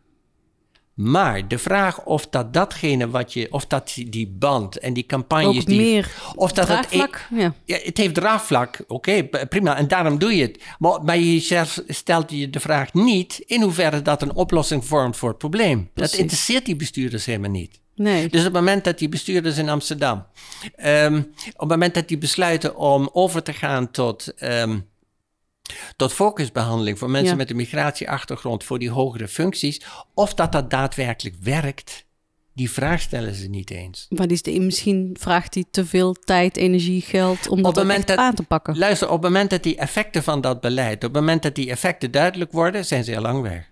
Ja, Dus er is er weer een nieuw garde die niet meer weet dat er is. Ja, dan, zit- dan zitten zij al lang op andere posities. Dat is Dus het dat is macht. Dat is macht, maar eh, eh, nou, eh, dat, is, dat, is, dat is vriendelijk uitgedrukt. Ik vind dit machtsmisbruik. Ja. Dit is ernstiger. Dit is machtsmisbruik. Want dan maak je misbruik van je positie om je eigen vege lijf te redden, om het zo maar eens te zeggen. Terwijl degene die het slachtoffer zijn van het probleem, je daarmee niet helpt. Nee, nee. Nee, nee. nee Dat- dat, ja. dat- dus er zijn een aantal mechanismes in dat hele veld van diversiteit die ervoor zorgen, en daarom spreek ik van een rookgordijn, die ervoor zorgen dat we in dit land maar geen streep vooruit komen als het gaat om de strijd tegen discriminatie op de arbeidsmarkt. En eh, om, in dat woord, eh, om in die woordspeling te blijven, hoe zet je daar de ventilator op? Is er ook, eh, als we even hoopvol naar de toekomst kijken, Ja, dit, om, om, eh, of is dit nog iets wat nog, nog, een, nog een dieper dieptepunt gaat bereiken? Ik weet het niet. Dat, ik kan niet in de toekomst kijken. Ik doe mijn best om mensen te waarschuwen voor dat rookgordijn. Om, om, om, om ze duidelijk te maken, eh, eh, om het, het kaf van het koren te, te, te scheiden. Om helder te maken wat wel werkt en wat niet. Eh, en ook om bijvoorbeeld dat, dat rapport waar ik het net over had, twee weken geleden van het KIS over institutionele racisme bij, bij de gemeentes. Om dat soort rapporten te bekritiseren. Onderzoeksmatig is dit broddelwerk van het ergste soort. Het is pure oplichterij, om het in goed Nederlands te zeggen. Onderzoeksmatig gezien. Ja, vanuit Wat- de wetenschap. Precies, wat zij beweren om op basis van 7, 8 interviews per gemeente te kunnen, te kunnen, te kunnen concluderen dat hier signalen van institutioneel racisme zijn bij, bij, bij dus ze hebben zeven of acht, geloof ik, mensen in Amsterdam gesproken. Een vrij grote gemeente. Ja. En op basis van die, ze- en ze hebben alleen diegenen geselecteerd waarvan ze wisten dat ze het daarmee eens waren. Dus ze hebben alleen die mensen aan het woord gelaten die hun eigen vooronderstellingen eh, bevestigden. En degenen die dat niet hebben bevestigd, die worden vervolgens eh, beschuldigd van het ontkennen van racisme. Dus, dus dit is. Dit Kom is je eigenlijk weer terug is naar die de lading van woorden en de invulling die we eraan geven. Ja, en, maar dit, is, dit, dit soort onderzoeken zijn pure oplichterij. En ik zal, ik zal, ik zal tot mijn laatste snik zal ik dit soort, dit soort, dit soort oplichterij Ja. bekritiseren en Het, eh, aanklagen. Ja. Dat is inderdaad Omdat ze, en dat is het punt. Ze doen dit vanuit de legitimatie van mensen, de- omdat er mensen gediscrimineerd worden op de, acht- op de arbeidsmarkt. Ja, dat klopt. Er worden mensen gediscrimineerd op de arbeidsmarkt. Ik zet me daar al 25 jaar voor Ja. in. Maar ik constateer dat, datgene, dat die mensen niet geholpen zijn bij ideologische bevlogenheid of ideologische vooringenomenheid van de kant van dit soort eh, onderzoeksrapporten. Het onderzoeksrapport een klein jaar geleden van het bureau OMLO bij het ministerie van Buitenlandse Zaken, die ook eh, meende te constateren dat er sprake is van institutioneel racisme bij het ministerie van Buitenlandse Zaken, om vervolgens met aanbevelingen te komen die nergens op slaan. Ik, dit soort, we zijn het slachtoffer van dit soort broddelwerk. Nog een laatste puntje, want echt, ik, eh, ik eh, luister met... eh, je ziet het niet, maar mijn oren zijn helemaal rood. Gloeien helemaal. Ehm, een, collega, eh, waarschijnlijk kent u hem, ah, Tom Wildhagen. Die heb ik een tijdje geleden geïnterviewd en die zei... oh, leuk. Ja. Die zei, we hebben geen arbeidstekort. Ehm, we hebben een arbeidsoverschot.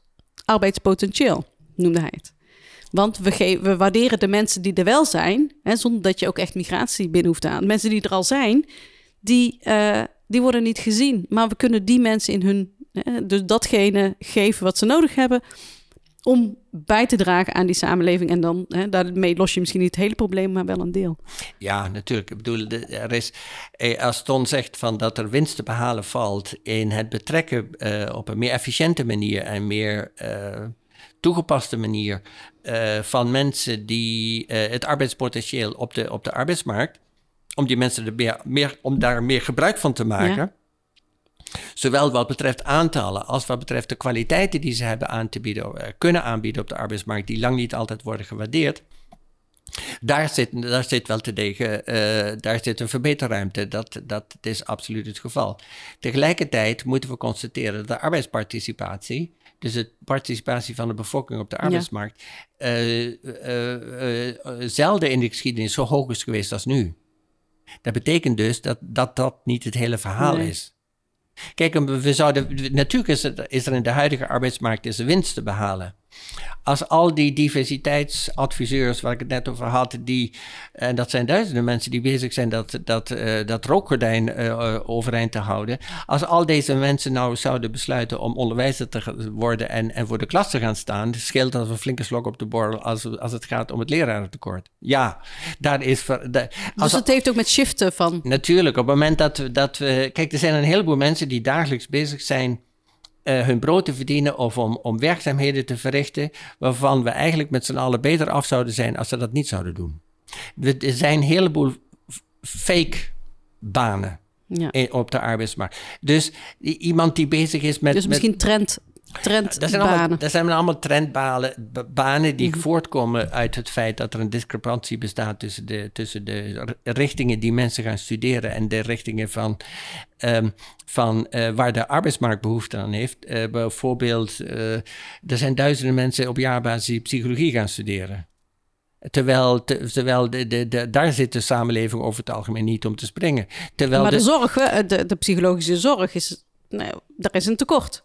dat, de, die aantallen, die, die aantallen die, die, daar kun je over spreken. Maar de, de- als deze mensen uiteindelijk naar de TU in Eindhoven zouden gaan om daar, om daar eh, techniek te gaan studeren en vervolgens een flinke baan bij ASML te, te, te, te krijgen, dat zet meer zoden aan de dijk. Kortom, ik wil hiermee aangeven, natuurlijk, er, zijn, er is verbeterruimte, zeker op de arbeidsmarkt, om te kijken of dat we beter gebruik kunnen maken van de beschikbare expertise, beschikbare mensen die al hier zijn. Ja. Maar dat neemt niet weg dat het probleem niet op te lossen is. Zeker met, met de vergrijzing. eh, zonder. eh, Mensen me- van buitenaf mensen- te werven. Kijk, de hele tech-industrie eh, rond in, in Brainport, die kan niet zonder een massale import van, van, me- van hoog gekwalificeerde mensen in de regio. Dat is niet op te lossen met mensen die in, in Nederland zijn Nee. geboren. Die aantallen zijn gewoon veel te klein. En anders duurt het te lang om ze nog op te leiden. En duurt veel te lang. Dus dat moet, die, die mensen hebben we absoluut nodig. Ik ben gezegend met het feit dat ik volgend jaar met pensioen ga. Ehm, ik zou het wel prettig vinden als er voldoende jonge mensen in dit land eh, rondlopen en, en toegang krijgen om hier te werken. Zodat ze een beetje kunnen meehelpen om het pensioen te verdienen waar ik dan van heel hard voor gewerkt. Heel lang voor gewerkt. graag van zou willen Dus genieten. toch uiteindelijk dat persoonlijke belang. Ja. Het is ons alle, alle Ja, dat is mijn ja. punt. Het is een gemeenschappelijk belang om die bekrompen beleid ten aanzien van migratie en ten aanzien van integratie, om dat bekrompen beleid simpelweg terzijde te schuiven. Ja. En, eh, te En eigenlijk te kijken naar wat er allemaal, met, wat, het wat allemaal met zich meebrengt, is. inderdaad. Ja, Ja. precies. En, en daadwerkelijk gebruik te maken van de kansen die er zijn.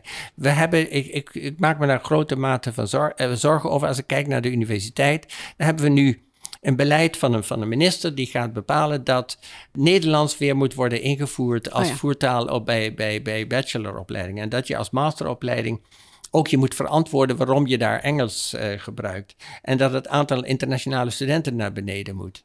Dat is bekrompenheid van het ergste soort. Want, die, want de, het investeren in dit soort internationale studenten, dat levert onze samenleving zoveel op, dat de kosten die dat met zich meebrengt, in de zin van, ja, je moet, studentenhuisve- je moet studentenhuisvesting bouwen en je moet, Uh, je moet, maar op de moet- lange termijn levert dat zoveel op Dat dat, die huisvesting eigenlijk... is een, investering is een peanuts. Ja, En die, huis, die huisvesting, wie betaalt er uiteindelijk voor? Dat zijn die internationale studenten zelf. Zelf, die, die ja. de huur betalen. Eh, en wat je net al zei, ik ga over een jaar met eh, pensioen. Ja. Maar ik, ga, ik wil even, mee, even dromen. Laten we het eh, praktisch zijn. Misschien is dat lastig vanuit het wetenschappelijke. Maar als alles kon, als er overal ruimte voor was, als de belangen niet zo op macht belust zouden zijn, waar zouden we dan naartoe gaan? Wat, wat is er mogelijk? Een open, democratische samenleving, eh, want daar schort het aan voor een belangrijk deel.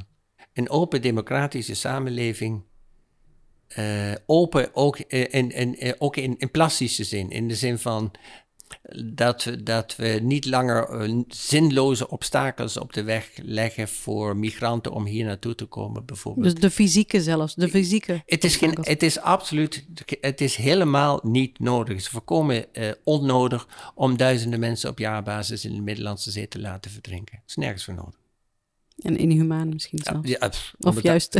om daar nog maar, nog maar niet, Ja. niet eens over te hebben. Dus het is helemaal niet nodig om dit soort dingen te doen. Je kunt de arbeidsmarkt en het functioneren van de samenleving en van de economie heel anders organiseren, zodat die wel open is en toch goed blijft functioneren.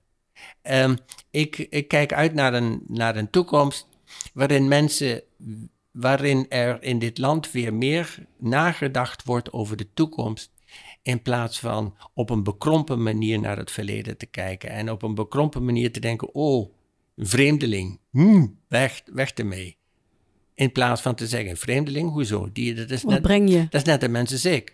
En Ja. die, die heeft waarschijnlijk ook kwa- eh, capaciteiten, kwaliteiten en, en, en kennis en vaardigheden. Laten we die aan het werk eh, brengen, zodat, zodat hij en ik er beter van worden. Het kan allemaal heel anders. Dat is een heel mooi afsluit. Ik denk dat wij heel erg lang nog door kunnen gaan. Tenminste, wat mij betreft, in ieder geval zeker. En ik, ik, ik, ik ervaar ook enorm de, de passie en, en de bevlogenheid. Ehm, ik wil je in ieder geval heel erg bedanken voor dit eh, hele mooie interview en een fijne podcast. Dank je wel.